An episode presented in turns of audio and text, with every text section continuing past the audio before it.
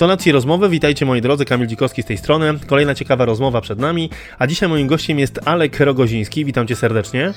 Dzień dobry. Będziemy mówić o twojej nowej książce, ale zanim zaczniemy mówić o książce, bo to, co powiedziałem wcześniej, ty masz bardzo bogate doświadczenie mediowe, e, dziennikarskie i nie tylko.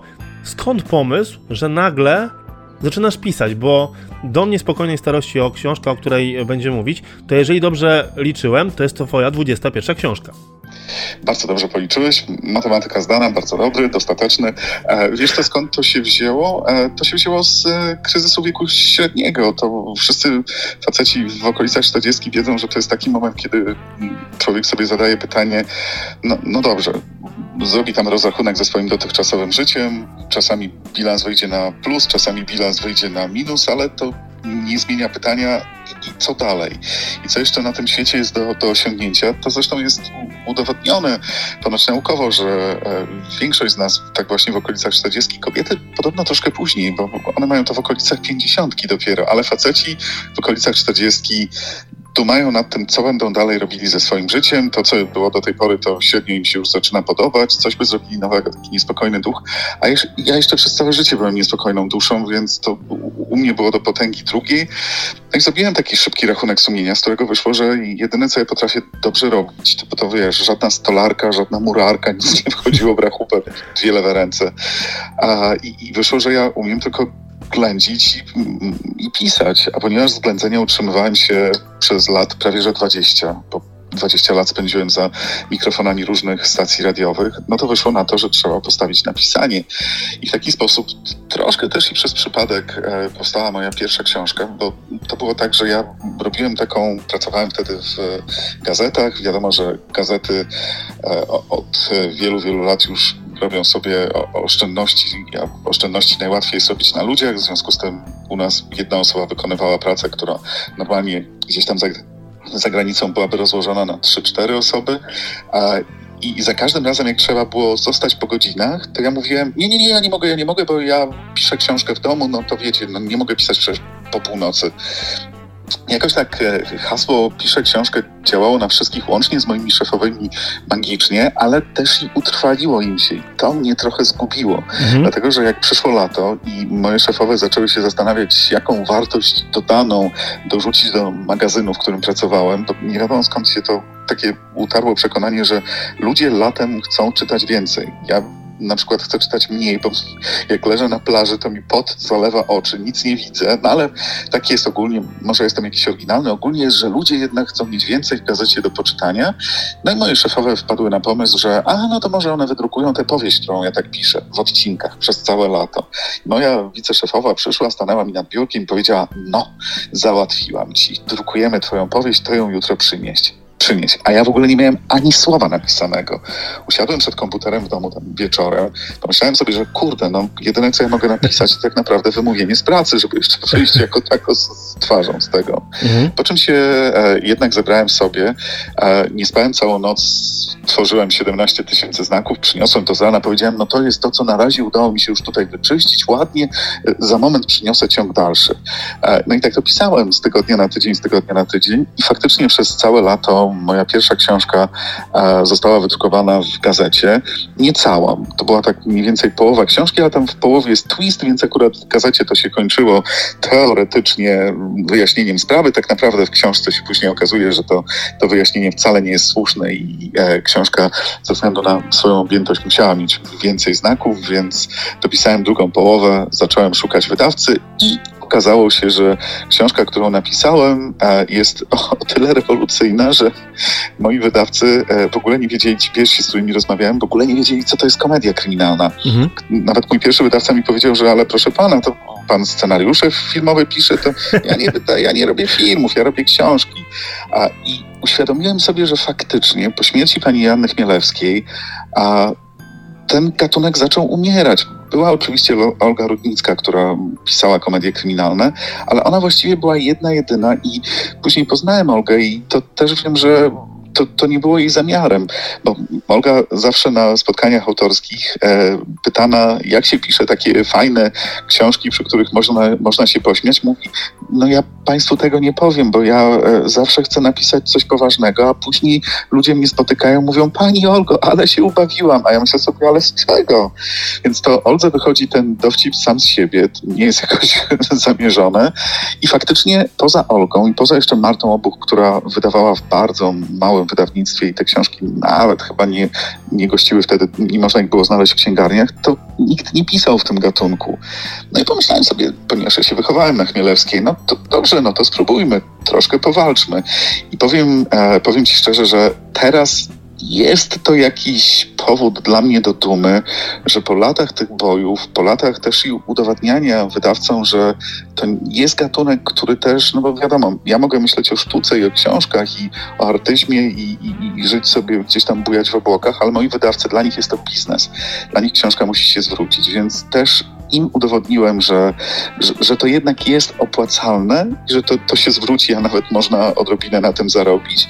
A e, jeżeli chodzi o czytelników, to też udało się przypomnieć im, że kryminał nie tylko musi być do bania się, ale też od czasu do czasu do tego, żeby się przy nim uśmiechnąć, wciągnąć się w zabawę i spędzić miły, relaksujący e, czas. No i tak jak mówię, teraz mam wrażenie, że troszeczkę przyczyniłem się do tego, że mamy znowu rozkwit komedii kryminalnych właściwie nie ma wydawnictwa już w tej chwili, które by wydawało popularną literaturę, w którym e, nie byłoby przynajmniej jednego, czy tam dwóch, trzech autorów komedii kryminalnych. Bardzo się z tego cieszę. Ale sama komedia kryminalna jako gatunek nie jest łatwym e, gatunkiem literackim. No i Anna Chmielewska twierdziła, że pani Anna Chmielewska, ja zawsze chciałem, całe życie chciałem ją spotkać, nie udało mi się niestety. E, pani Anna Chmielewska twierdziła, że to jest, jeżeli chodzi o, to, to, o tę taką literaturę popularną, jeden z najtrudniejszych gatunków, dlatego że trzeba pogodzić teoretycznie wydawałoby się ogień z wodą, czyli e, logiczną poważną akcję kryminalną z elementami groteski, z elementami parodii, z postaciami, z dialogami, które będą wywoływały uśmiech na twarzy. I dlatego ona twierdziła, że no to jest, biorąc jeszcze pod uwagę, że każdy z nas ma odrobinę inne poczucie humoru, każdego śmieszy co innego, to co jednego śmieszy, drugiego irytuje, to co jedni uważają za znakomity żart, inni uważają już za przekroczenie jakichś granic dobrego smaku, a więc to trzeba jeszcze to wszystko wypośrodkować przy tworzeniu komedii kryminalnej i dlatego, tak jak mówię, ona twierdziła, że jest to e, gatunek najtrudniejszy. No ale pokazała nam, nam czyli wszystkim współczesnym e, twórcom komedii kryminalnych, pokazała nam kierunek, wytyczyła szlaki, więc już po pani Jannie Chmielewskiej pisze się nam o wiele, wiele łatwiej, za co bardzo gorąco pani Jannie dziękuję i mam nadzieję, że tam sobie w tej chwili pisze kolejne komedie kryminalne, tylko już troszkę wyżej nad nami. Pod koniec października ukazała się twoja nowa książka e, Do mnie spokojnej starości, wydana razem z Anią Kasiuk. Powiedz mi, jak doszło do, do waszej kolaboracji e, odnośnie książki? Wiesz co, to jakoś chyba wyszło w sposób dość naturalny. To znaczy myślę, że tutaj akurat e, chyba to troszkę e, inicjatywa pisania w duecie wyszła od, e, od Ani, nie ode mnie. Wykorzystaliśmy mój pomysł, którym ja się nosiłem od no, już paru ładnych lat, e, czyli takiego odczarowania miejsca, które jest bardzo, bardzo przygnębiające. Ja to miejsce znam niestety też miałem osoby, które w takim miejscu odwiedziłem, czyli właśnie domy starości. I to są naprawdę przygnębiające, no tak właściwie nie, nie bójmy się tego słowa, umieralnie. I ci ludzie, którzy tam trafiają, tak naprawdę mają tylko już jedno zadanie do spełnienia, czyli przywitanie się z kostuchą i, i tyle. I wydawało mi się to takim absurdem, biorąc pod uwagę, że odwiedzałem też podobne placówki, to znaczy odwiedziłem tylko jedną, ale słyszałem wiele razy od, od swoich znajomych, jak takie instytucje wyglądają e, w innych krajach, takich bardziej na zachód. Im bardziej na wschód, tym bardziej to przypomina nasze domy starości. Natomiast mhm. im bardziej na zachód, a zwłaszcza w Stanach, to też sobie od czasu do czasu można i oglądać na filmach, ale tam to tak właśnie wygląda, że są to domy, w których jeszcze próbuje się z tych e, osób, które, e, które tam trafiły, które no, z reguły są samotne, też i schorowane, próbuje się zrobić wszystko, żeby te ich ostatnie momenty, czy to są dni, czy to są miesiące, czy to są lata na, na naszej planecie, żeby upłynęły w miłej atmosferze, żeby jeszcze spróbować e, coś tym ludziom zaproponować, jakąkolwiek aktywność, czy to intelektualną, czy to nawet i fizyczną. I, i chciałem, to, to, był taki pomysł, żeby pokazać, że w domu spokojnej starości można się dobrze od czasu do czasu zabawić. Mam, mam co prawda wrażenie, że troszeczkę przefajnowałem, bo e, wyszedł, wyszła nam e, chyba taka troszkę niemoralna książka, biorąc pod uwagę, co, co wyrabiają ci staruszkowie.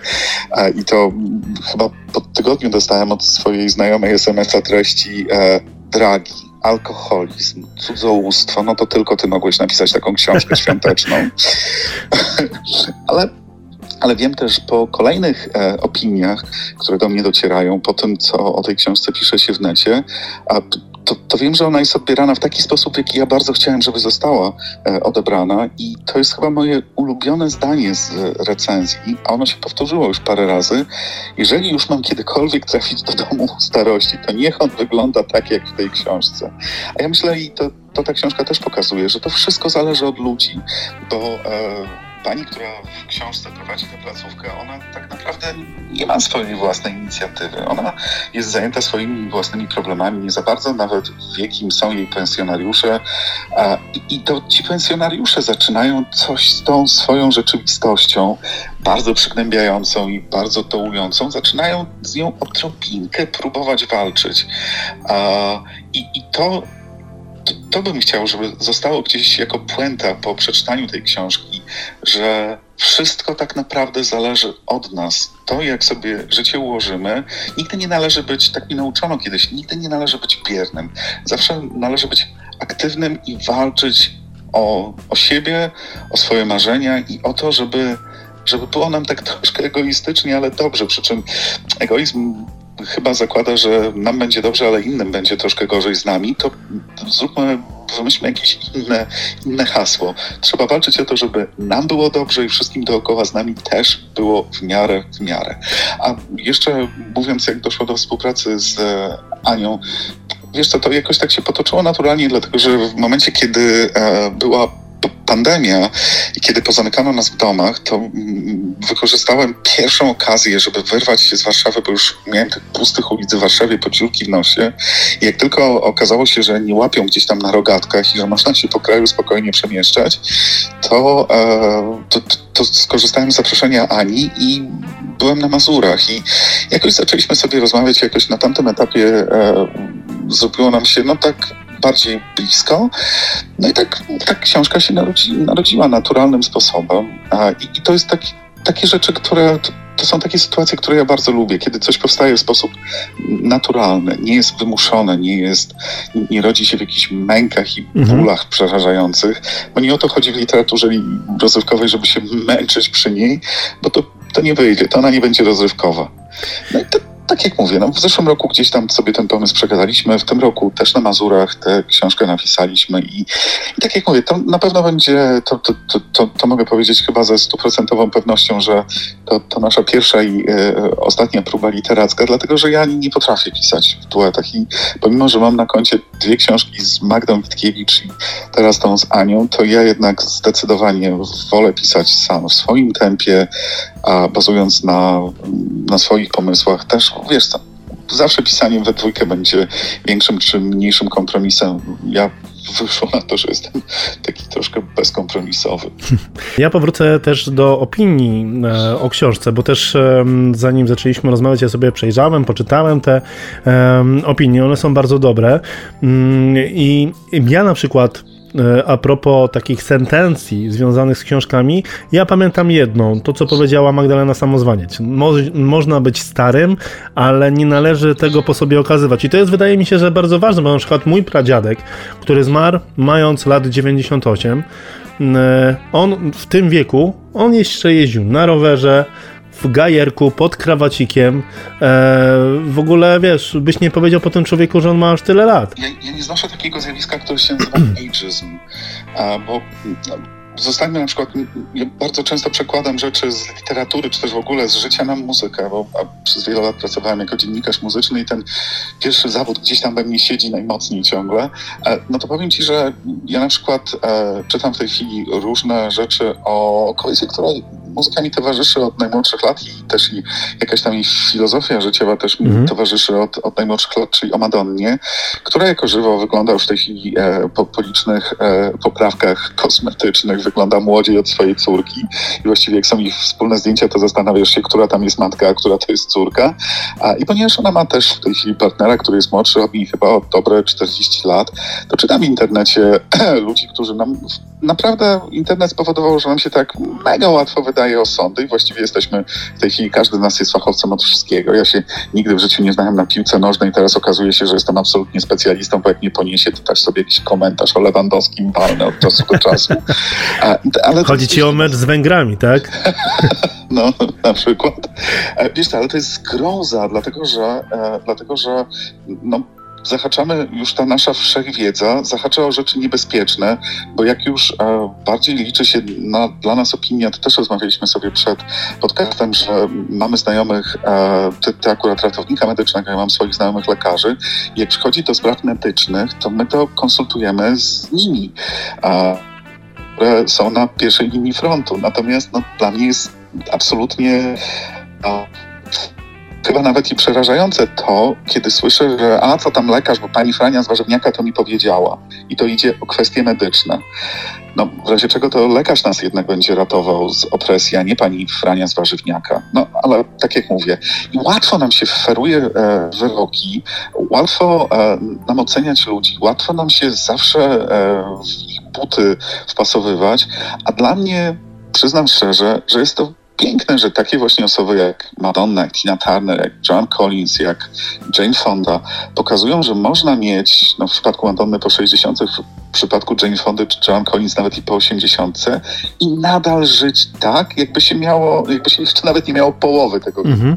Nadal można nie wiem, a nadal można Cieszyć się z życia. Na wakacje, cieszyć się życiem, iść sobie do klubu, potańczyć, jak człowiek ma ochotę zrobić coś szalonego i że nie ma. No, wiek jest, jeżeli się dobrze czujemy, jeżeli mamy organizm, który ciągle służy nam, oby nam wszystkim służyły nam nasze organizmy jak najdłużej się da, to dlaczego mamy siedzieć w domu i niańczyć wnuki? Tylko dlatego, że tak nam powiedziano, że powinna? Kto nam powiedział, że, że tak się powinno robić? To niech może oni sobie sami tań, ci, którzy tak mówią, siedzą w domu i niańczą wnuki. To jest ich droga życiowa. Nasza wcale nie musi być taka. Mhm. E, powiedz mi, bo tak jak rozmawialiśmy, tak jak powiedziałem na samym początku, ty już masz 21 książek na e, koncie. Różni bohaterowie pojawiali się w twoich książkach, ale chciałbym też spytać ciebie, ile niektórzy bohaterowie, bo podejrzewam, że tacy bohaterowie też się pojawiają, czy są bohaterowie, którzy, którzy mają sporo z ciebie? Wiesz co, to pytanie pojawia się bardzo często i, i ja z reguły nie wiem, co mam odpowiedzieć, dlatego że teoretycznie każdy z tych bohaterów, jest pewnie już z tysiąc osób, każdy ma jakąś moją cechę. Nawet te czarne charaktery, bo jednak nie oszukujmy się, każdy z nas ma w sobie i e, dużo e, jasności i odrobinę mroku, więc nawet ci jacyś paskudni, nie wiem, przestępcy, też podejrzewam, że gdzieś mają coś z, z, ze mnie. Natomiast no, taką chyba osobą, która ma najwięcej, ja ją stworzyłem na swój wzór i podobieństwo, tylko płci zmieniłem. E, To jest bohaterka, która pojawia się w największej ilości moich książek. Ostatnio wyliczaliśmy na jednym spotkaniu z czytelniczkami, że pojawiła się w sumie w 12 książkach na 20 Mhm. Czasami jest tylko w jednej scenie, czy tam w dwóch scenach, a czasami ma książki poświęcone tylko swoim przygodom, czyli Róża Król. To jest e, autorka powieści kryminalnych, która ma e, pecha, czy też szczęście, czy też swoiste szczęście do e, mieszania się w rozmaite kryminalne afery której policja w związku z tym nie znosi jak tylko może. I to jest taka bohaterka, której ja chyba dałem najwięcej swoich cech. I to jest bezpieczne, ponieważ różni nas płeć. W związku z tym to taki trop, który e, jak ktoś tam za wiele, wiele lat, no teraz ja o tym mówię, ale za wiele, wiele lat mnie już nie będzie, a książki mam nadzieję zostaną, to, to, to mam nadzieję, że on nigdy nie wpadnie na to, że Róża Król to, to, to trochę ja, bo tam faktycznie ona, począwszy od absolutnego nabożeństwa do prac domowych pod tytułem póki się nie wali, pali, póki jeszcze można otworzyć drzwi, no to po co sprzątać, e, aż po e, kulinarne przygody, gdzie to i Róża i ja potrafiliśmy tak znakomicie e, przygotować jajecznicę, że trzeba było odmalowywać kuchnię, to to, to wszystko powoduje, że jakoś chyba ta, ta postać ma ze mnie najwięcej. Mhm. Ale w twoich e, książkach bohaterowie też nawiązują do gwiazd, do celebrytów. E, no i też wtedy, jeżeli się dobrze wgłębimy w daną postać, to już też będziemy wiedzieć, o kogo chodzi. Ja nie będę teraz mówił tutaj, nie będę wymieniał tych celebrytów. Nie, nie, nie. To, to, to, ja powiem. Ty nie powiesz, ja powiem. Jest to, to nie zawsze tak jest, bo na przykład od pierwszej książki, tam przewijającą się postacią przez e, rozmaite tomy, e, jest Klaudia Hutniak, co do której e, kapryśna diwa polskiej muzyki, co do której e, wszyscy uważają, że ja ją tak sobie e, jeden do jednego przepisałem z Edyty Górniak. A to nie jest prawda, bo to jest postać, która ma tak naprawdę pokompilowanych tych cech naszych div wiele i, i z wielu postaci. I nawet mhm. powiedziałbym, że jak się tak to prześledzi, kolejny jakiś e, rozwój tej postaci, tak to nazwijmy, aż do ostatniej książki, w której ona no, miała dość dużą rolę, dlatego że ta książka czerwona mi toczyła się e, w czasie festiwalu opolskiego i dotyczyła zabójstw w show biznesie wśród wykonawców, którzy przyjechali na ten festiwal. Tam Klaudii Hutniak było więcej niż w pozostałych książkach. To, to tak jak się to prześledzi, to chyba nawet myślę, że ona z innych div, wydaje mi się, że ona właśnie najmniej ma za to Górniak, ni niestety, stety. Ja to też zawsze podkreślam, że wszystkim się wydaje, tak człowiek się czasami wpasuje w sytuację, która później już zaczyna działać niezależnie od tego, co on by nie robił. I proszę mi uwierzyć, z mojego doświadczenia dziennikarskiego, dość bogatego, bo to i radio, i prasa rozrywkowa, wynika, że Edyta Górniak, jeżeli chodzi o kaprysy i, e, i brak dystansu do samej siebie, nie załapałaby się nawet do mojej dziesiątki, bo Edyta jest jednak postacią, e, osobą bardzo racjonalnie podchodzącą do pracy i bardzo profesjonalną, e, co powoduje niestety, że ten nasz rynek dość nieprofesjonalny ma z nią problem, bo tam, gdzie u innych gwiazd przechodzi jakiś jakiś tu mi wisi z mi takie, a jakoś to tam będzie, to u Edyty, u Edyty to nie przechodzi. Być może wynika to z tego, że ona przez lata była a, częścią show biznesu międzynarodowego, który jednak jest bardziej sprofesjonalizowany i tam jest mniej cwaniakowania. Mhm. U nas tego cwaniakowania jest odrobinę więcej i, i, myślę, że to, że ona ma swoje wymagania powoduje, że później wszyscy mówią, że górniak, jaka kapryśna. Nie, nie, nie, nie, nie. Naprawdę mógłbym e, w tej chwili wymienić 10 bardziej kapryśnych polskich wokalistek, z którymi przez te wszystkie lata współpracowałem. Także, tak jak mówię, te postacie show biznesowe, nawet jeżeli e, uważasz czasami, że wiesz, kto był pierwowzorem, to, to można się pomylić. Mhm. Powiedziałaś o tych kapryśnych gwiazdach, aż mnie e, ciągnie, żeby powiedzieć daj top 3. Nie, coś ty to później wiesz, będę, podam ci top 3, a później będę miał top 3 procesów. Wiesz, to, to, to widać, to widać, bo to wystarczy sobie posłuchać wywiadów, pooglądać e, imprezy, pooglądać e, te wszystkie jakieś wypowiedzi na, na, na, ściankach, popatrzeć też na na przykład mój ulubiony patent, czyli retuszowanie zdjęć na okładkach magazynów i od razu będzie wiadomo, kto ma do siebie dystans, a kto tego dystansu w ogóle nie ma, kto sprzedaje ludziom prawdziwego siebie, a kto e, chce sprzedać ludziom iluzję. I jeżeli chodzi o, no skoro już nam się zeszło, to wydaje mi się, że Edyta zawsze sprzedaje 100% samej siebie i że tutaj, e, niezależnie tak jak mówię, od kontrowersyjności E, Edyty w różnych aspektach, to, to, to, jest cały czas szczere. Tam nie ma niczego mhm. przekalkulowanego.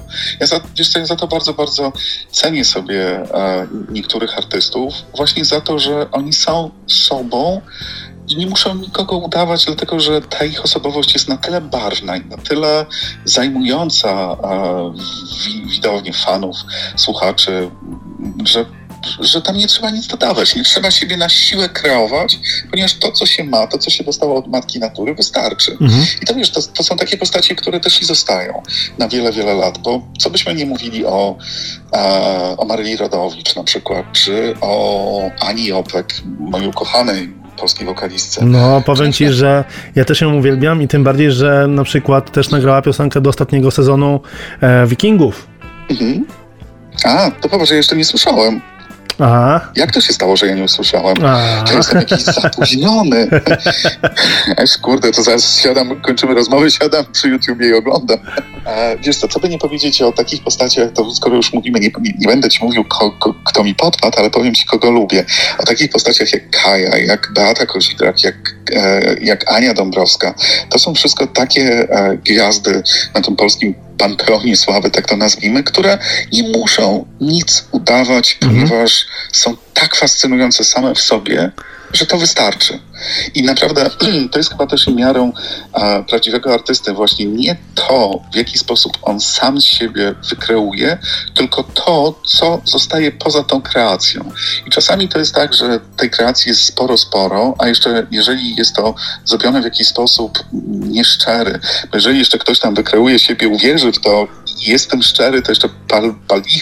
Gorzej, jeżeli wszystkie 100 osób dookoła tego człowieka powie mu, jaki on ma być, a on się w tym nie odnajduje, to tak jak mówię, publiczność zawsze pierwsze, co wyłapie, to każdy fałsz i każdą nieszczerość. Więc to się może udać na jeden sezon, na trzy piosenki, na jedną płytę, ale to się nie uda na całą wieloletnią, długoletnią karierę. Byłem zaskoczony tym, że na podstawie Twojej książki powstała także sztuka teatralna. Powiedz mi, czy mm, e, oprócz e, tej sztuki Raz, dwa, trzy giniesz Ty, masz już jakieś kolejne projekty, które zobaczymy na deskach teatru, a być może na e, małym ekranie? Wiesz co, no, to, no plany są, tylko że dopóki e, nie usiądzie się w, na widowni w teatrze albo e, w kinie na coraz wygodniejszym foteliku, bo te kina są coraz bardziej komfortowe, to, to tak naprawdę człowiek chyba nie powinien nic nawet o tym mówić, bo to jak się mówi o planach, to tam wiesz, góra się cieszy strasznie i, i ja zawsze mam wrażenie, że jak opowiadam o tym, co będzie, to tam ktoś na górze patrzy, patrzy, mówi, ale fajnie powiedział, gorzej, że się nie sprawdzi.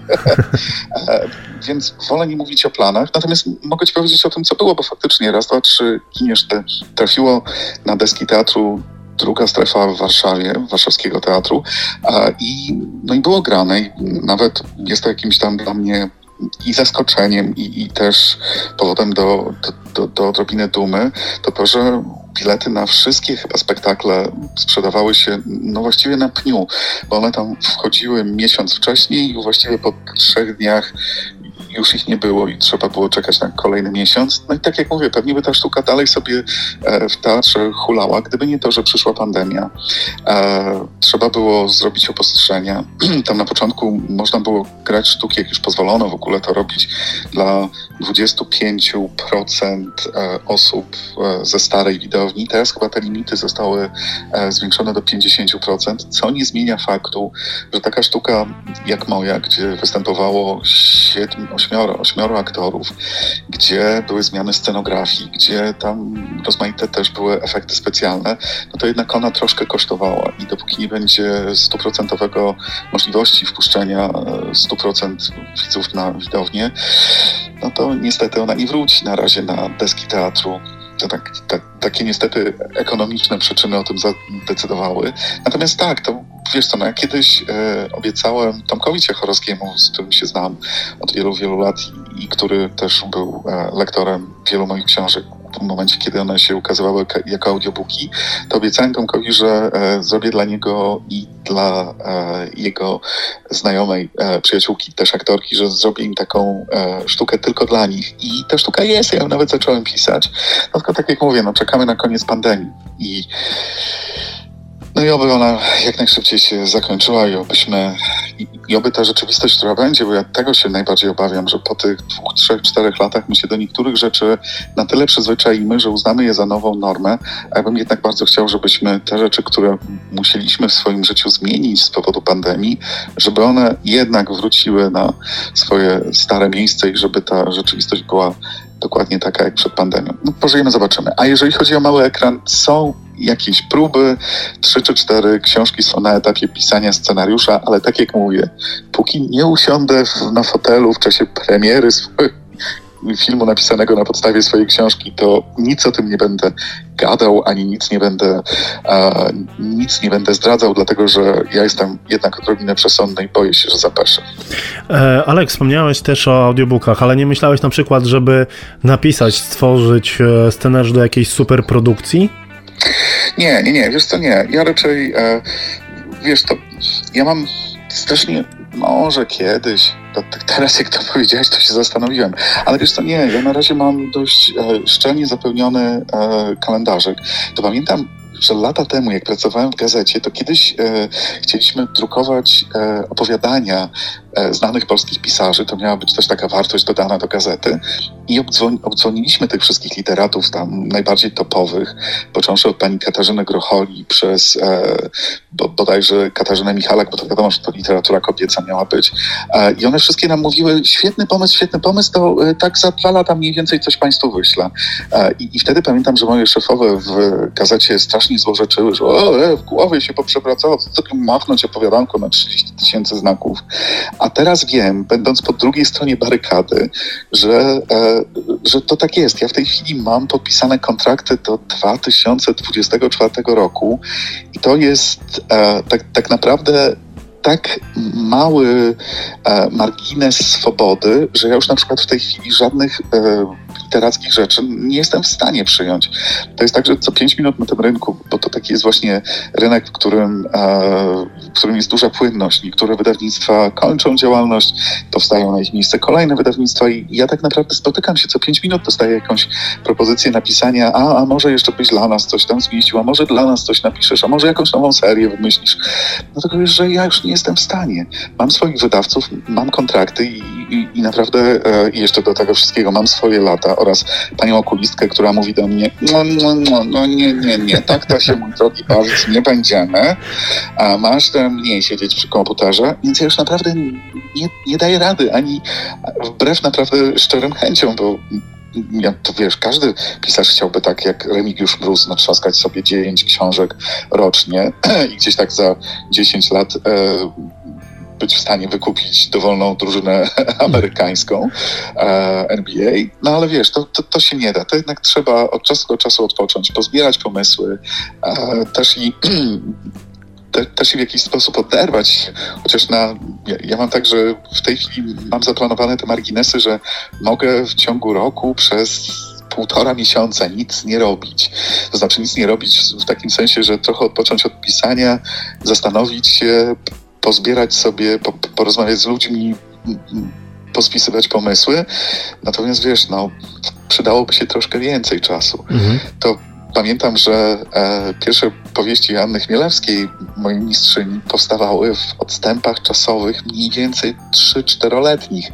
Bo pierwsza książka, czyli Clean, ukazała się w roku bodajże 64, a kolejna, czyli Wszyscy jesteśmy podejrzani, dopiero chyba w 66, a jeszcze kolejna, czyli Krokodyl z kraju Karoliny w 71, czyli ona przez 7 lat napisała trzy książki.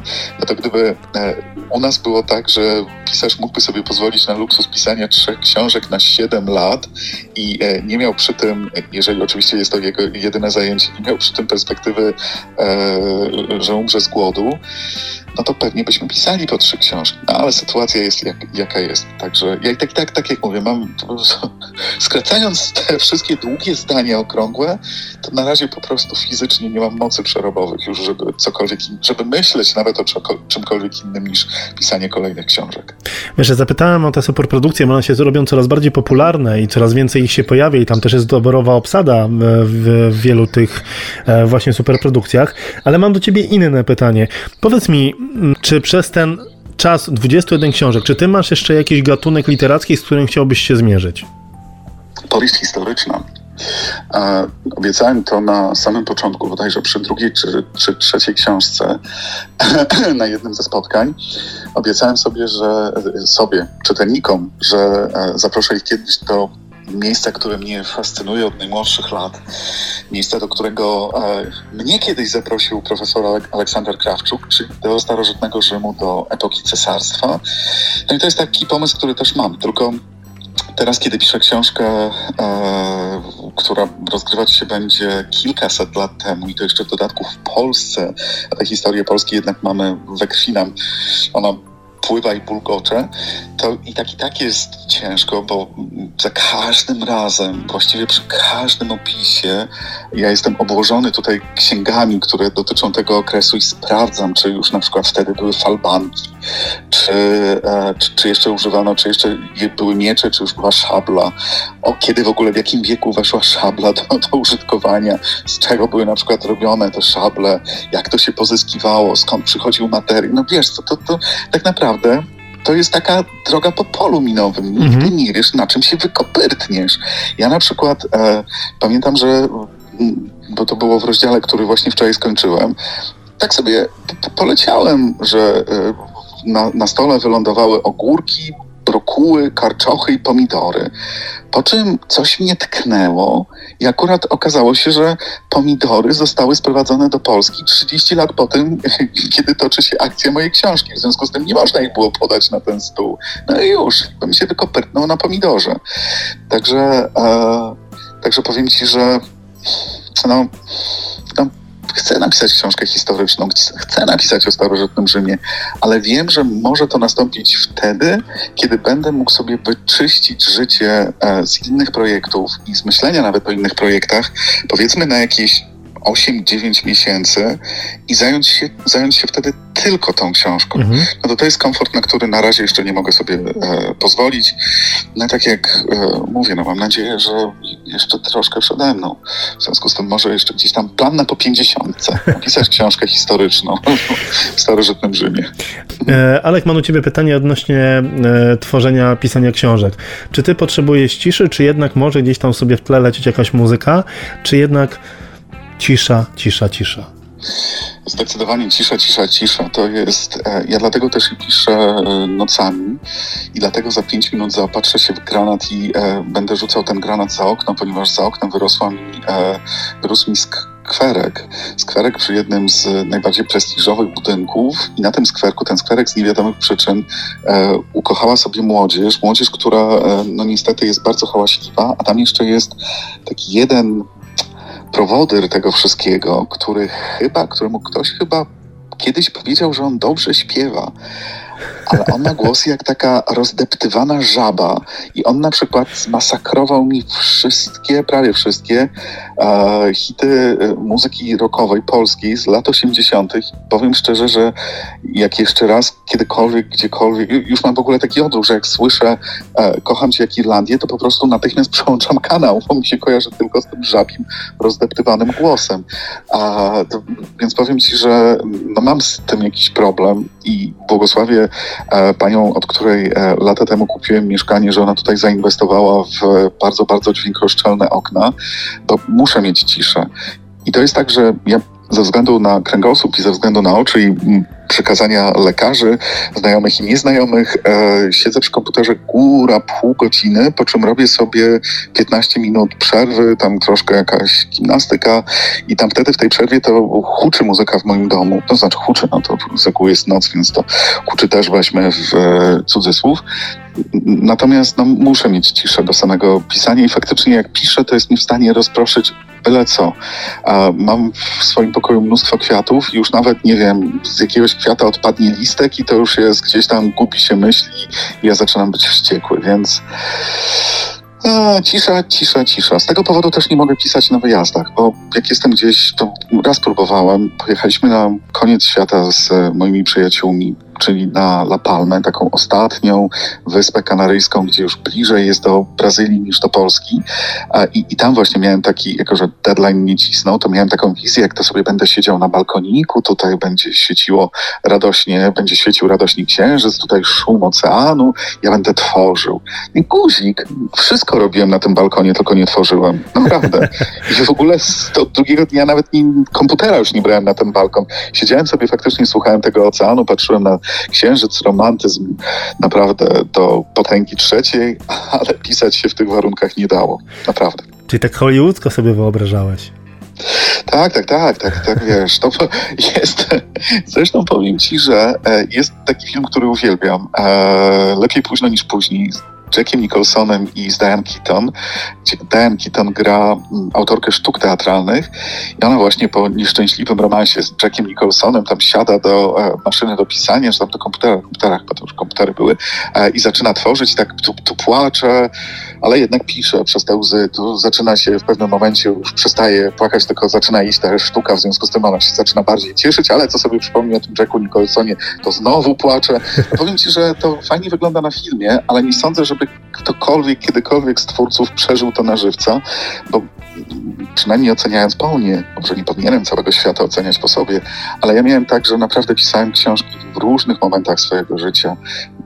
Pisałem książki na przykład w momencie, kiedy wracałem po całym dniu ze szpitala onkologicznego, gdzie, gdzie byłem ze swoją mamą i, e, i moja mama na szczęście udało jej się zwalczyć tę chorobę, ale tam na początku, no wiadomo, no jak to przy, przy nowotworach różnie to mogło być. W związku z tym to spędzałem naprawdę bardzo, bardzo smętne dni, po czym wracałem wieczorem z, a, no, miałem w głowie to, że muszę usiąść przy komputerze i pisać komedię, komedię.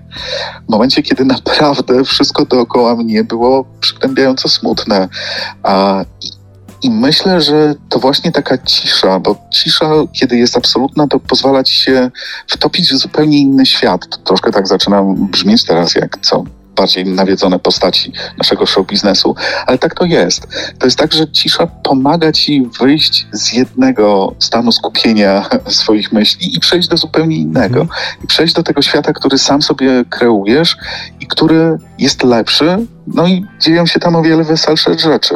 Więc powiem ci, że no ta cisza naprawdę w moim przypadku jest nieodzownym elementem tworzenia. I nawet ocean, i nawet romantyczny księżyc może zakłócić. e, Alek, jak sam powiedziałeś, e, w ciągu roku masz około półtora miesiąca e, wolnego, ale no myślę, że trochę czasu tego dla siebie też znajdujesz, więc też chciałbym spytać, co ty robisz w wolnych chwilach, bo e, ogólnie z tego, co powiedziałeś, jesteś bardzo zapracowaną osobą i, i tego wolnego czasu masz jak na lekarstwo, ale może jednak gdzieś tam masz jakieś ukryte pasje, hobby, Wiesz co, no, mam na pewno, tylko że w momentach, kiedy nie piszę, to z kolei jeszcze po kraju i spotykam się z czytelnikami, bo to jest coś, co e, w moim przypadku jest drugą czasami powiem ci, że równie miłą, a czasami może nawet i milszą, bo jednak pisanie jest cholernie samotną robotą. Jesteś ty, pusty pokój, komputer, wszystko. I, ja czuję gdzieś tę samotność i jak kończę pisać książkę, to aż cały, wiesz, wszystko we mnie skacze, żeby już pospotykać się z ludźmi, już nadrobić ten czas mhm. spędzony w samotności. Więc sporo jeszcze po kraju. Powiem ci, że naprawdę no w tym roku chyba pobiłem jakiś rekord. Wbrew temu, że warunki nie sprzyjały, wbrew temu, że była pandemia a, i obostrzenia, wbrew temu, że no, czasami faktycznie dostawałem e, listę od czytelników pod tytułem, czy, czy mógłbyś jakoś mi załatwić wejście na spotkanie, bo już lista była zapełniona. Mało tego, lista rezerwowa też już była zapełniona, a ja bym przyjechała na przykład tam z Radomia do Kielc. I, i, I wiesz co, to są przemiłe, przemiłe rzeczy. Ja zawsze staram się ratować sytuację, jak tylko mogę, ale te spotkania a, ładują mnie energetycznie w sposób po prostu niemożliwy do opisania. Ja uwielbiam spotykać się z czytelnikami i przy okazji też staram się e, jak najwięcej poznawać kraju. I powiem Ci, że naprawdę to jest coś, co dociera do mnie za każdym razem, jak wychnę poza Warszawę, że my mamy jeden z najbardziej atrakcyjnych krajów. Bo zobacz, pod, pod względem e, takich e, turystycznych e, spraw. Zobacz, mamy przepiękne, czyste jeziora na Mazurach. Mamy góry, mamy morze, które też jeszcze może i odrobinę chłodne, ale też jeszcze w miarę czyste. A mamy przepiękne zabytki, te wszystkie średniowieczne zameczki, kościółki, te wszystkie skanseny. Mamy fenomenalną kuchnię, która właściwie to, to, to jest miszmasz kulinarny, a, godny wszystkich gwiazdek Michelina. Jedziesz mhm. na Podlasie, masz zaguby, masz kartacze, masz tę taką kuchnię mączną. Jedziesz e, do Gdańska, masz fantastyczne, fantastyczne dania z ryb i Masz tutaj e, Warszawę. E, też ostatnio powstała fajna książka o Warszawie. Warszawa da się zjeść, gdzie e, gdzie masz e, pozostałości po kuchni żydowskiej, gdzie naprawdę, jeżeli chodzi o takie rzeczy, które warto docenić, to tak jak mówię, od przepięknych krajobrazów po fenomenalne dania, które można sobie zaserwować, jeżeli ktoś szuka fajnych potraw, no tylko mamy beznadziejny PR. Ja nie wiem, kto jest odpowiedzialny za, za promocję naszego kraju za granicą, ale myślę, że ten ktoś naprawdę powinien popełnić rytualne sepuku, dlatego że Polska się kojarzy w tej chwili już w Europie i niestety też na całym świecie ze wszystkim, z czym tylko można, tylko nie z tym, że jest to atrakcyjny turystycznie kraj, a jest. I tego mi potwornie szkoda. Szkoda mi też, bo są takie miejsca, do których przyjeżdżasz i widzisz, to wszystko zależy też i od włodarzy tych miejsc. Widzisz, że te miejsca kwitną, że oni potrafią wykorzystać środki, które tam przychodzą, fundusze, które można pozyskać na rozwój miast. A jedziesz na przykład do jakiegoś miasteczka i przeżyliśmy to ostatnio w e, jednym z małych miasteczek, już nie będę mówił w jakim, żeby nie zawstydzać gospodarzy tego miasteczka. Wylądowaliśmy tam o godzinie 16 a, i zaczęliśmy się rozglądać, jako że byliśmy głodni po drodze z Warszawy, zaczęliśmy się rozglądać za jakąś restauracją. A miasto, godzina 16, wymarłe, tak jak gdyby tam był, nie wiem, jakiś alarm bombowy. E, goniliśmy jakąś starówkę przed dwie, dwie przecznice, ona myślała pewnie, że mamy złe zamiary, więc nawiewała przed nami jak tylko mogła. Dorwaliśmy ją w końcu na trzeciej, bo się pani troszkę zdyszała I, i, i, zapytaliśmy, gdzie jest restauracja. No, jaka restauracja? Tu nie było restauracji, ostatnią zamknęli cztery lata temu. I faktycznie nie było. Jedliśmy hot doga w supermarkecie. Więc naprawdę jest, a, a, samo miasteczko samo w sobie, gdyby tam odrobinę tylko je pogłaskać, gdyby odrobinę odremontować, odmalować, e, gdyby odrobinę zainwestować w jakiekolwiek rzeczy związane z lokalną kulturą, to naprawdę byłoby perełką. Miasteczko pełne zabytków, pełne bardzo niezniszczonych, jeszcze w miarę e, uroczych kamieniczek z fajnym ryneczkiem, no tylko, że stoisz na tym ryneczku i dookoła masz pustkę, nie ma nic, nie ma sklepu, nie ma restauracji, to wszystko umarło, to wszystko nie żyje, to mhm. trzeba reanimować te pędy.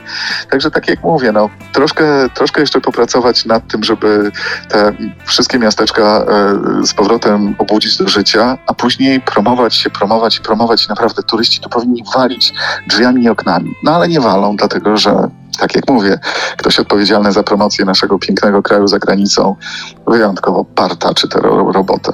Mhm. E, mm, Alek, powiedz mi, nad czym teraz pracujesz, bo sam powiedziałeś, że masz kontrakty mm, podpisane do 2024 roku. Mhm. E, co teraz u ciebie na tapecie? Teraz na tapecie książka, która się będzie toczyła e, kilkaset lat temu. Nie, nie chcę zdradzać ile, żeby nie robić, e, żeby później była większa niespodzianka. E, I to będzie taka książka, która mam nadzieję zaskoczy, bo to jest gatunek, w którym ja się jeszcze nie wypróbowałem. Ale przyszedł mi do głowy, właściwie to nie mi przyszedł do głowy, bo to był pierwszy raz, kiedy nastąpiło coś odwrotnego. Spotkałem się z e, panią e, dyrektor wydawnictwa, która popatrzyła mi prosto w oczy i powiedziała: Ja wiem, pan jest Zosia Samosia. Ja wiem, pan nie znosi, jak się panu cokolwiek podpowiada. Ja zrobiłam sobie research. Ja wiem, że pan jest trudny. No bo faktycznie ja dla wydawców to jestem potwornie trudny, jak każda osoba, która wie, czego chce. Mhm. ale niech mnie pan posłucha przez pięć minut, bo ja bym chciała. I tutaj zaczęła mi opowiadać o pomyśle, jaki ma na książkę. I słuchaj, ja w ciągu mniej więcej 10 e, minut nie dość, że kupiłem ten pomysł, to jeszcze e, teraz to uważam, że on w ogóle był mój. Więc, no ale nie był, tak to, to już powiedzmy szczerze nie był. Ale powiem ci, że tak go poczułem, że pomyślałem sobie, kurde, no po 21 e, książkach, po 21 książkach? To tak, 21. 21. Tak. E, można sobie chyba pozwolić na jakiś eksperyment. Co najwyżej przeczytam w recenzjach, tak jak e, Remigiusz Mróz, kiedy napisał Czarną Madonnę, że e, e, e nie tędy droga i trudno. Chociaż najpierw on przeczytał, że nie tędy droga to jest faktycznie najgorzej jego oceniana książka wszędzie, a teraz ją ekranizują. Więc nie ma tego złego, co by na dobre czasami nie wyszło. Więc tak jak mówię, ta książka kolejna będzie eksperymentem, ona się powinna ukazać gdzieś w granicach walentynek. Natomiast później kolejne części e, opowieści o Róży Król, e, kolejna część e, takiego cyklu, który miał być jedną książką, ale to teściowe muszą zniknąć, ale to był tak ogromny sukces, który zaskoczył i mnie, i wydawców, i chyba wszystkich, że powstały kolejne części i teraz też będzie, przygotowuję trzecią część e, opowieści o teściowych. No a później zobaczymy. To jest najfajniejsze, że jak kontrakty mam popodpisywane, ale moje wydawcy odpukać, odpukać, mają do mnie takie zaufanie, że nie każą mi mówić, co to będzie. I e, na przykład jeden kontrakt mam napisany tak, podpisany tak, że Mhm. mam tam napisane Alek książka 1, Alek książka 2, Alek książka 3. Więc tylko życzmy mi e, fantazji i, i weny, a reszta jakoś się tam poukłada, miejmy nadzieję. No tego ci życzę, Alek. E, Weny, jak najmniej e, chwil zwątpienia, jeżeli chodzi o kwestię pisania. Ży, życz mi tego, żeby ta młodzież spod e, tego, e, z tego skwerka gdzieś sobie poszła, zanim mi do reszty e, zniszczy wszystkie moje hity z dzieciństwa, bo już zniszczyli mi już Kocham Cię jak Irlandię, zawsze tam, gdzie Ty, Jedwab i jeszcze coś. Jeszcze jest jakaś taka piosenka, którą oni sobie upodobali. To A, może trzeba tego gościa wysłać do jakiegoś, wiesz, talent show. Jemu nic nie, nie pomoże. Naprawdę. Z tym głosem to jedyne, co on może robić, to płoszyć, nie wiem... Gołębie. Szczury. Szczury w czasie akcji odszczurzania miasta. No tego ci życzę, żeby już nie śpiewali ci na skwerku. Bardzo, bardzo dziękuję. Moi drodzy, dzisiaj moim gościem był Alek Rogoziński, autor już 21 książek. Ostatnia książka, którą możecie przeczytać, to książka Do mnie spokojnej starości, która została napisana, napisana wspólnie z Anną Kasiuk. Ja gorąco książkę wam polecam. To bardzo ciekawa opowieść, romantyczna taka książka niemoralna. i książka świąteczna, też przy okazji, e, bo święta tuż, tuż. E, Alek, jak ci bardzo dziękuję za rozmowę, fantastyczną rozmowę. Mam nadzieję, że to nie ostatnia nasza rozmowa i przy premierze kolejnych e, Twoich książkach będziemy mieli też okazję porozmawiać nie tylko o książkach, ale też na przykład o przygodach w show biznesie. Tak więc moi drodzy, przypomnę, dzisiaj moim gościem był Alek Rogoziński. Dzięki serdeczne. Dziękuję.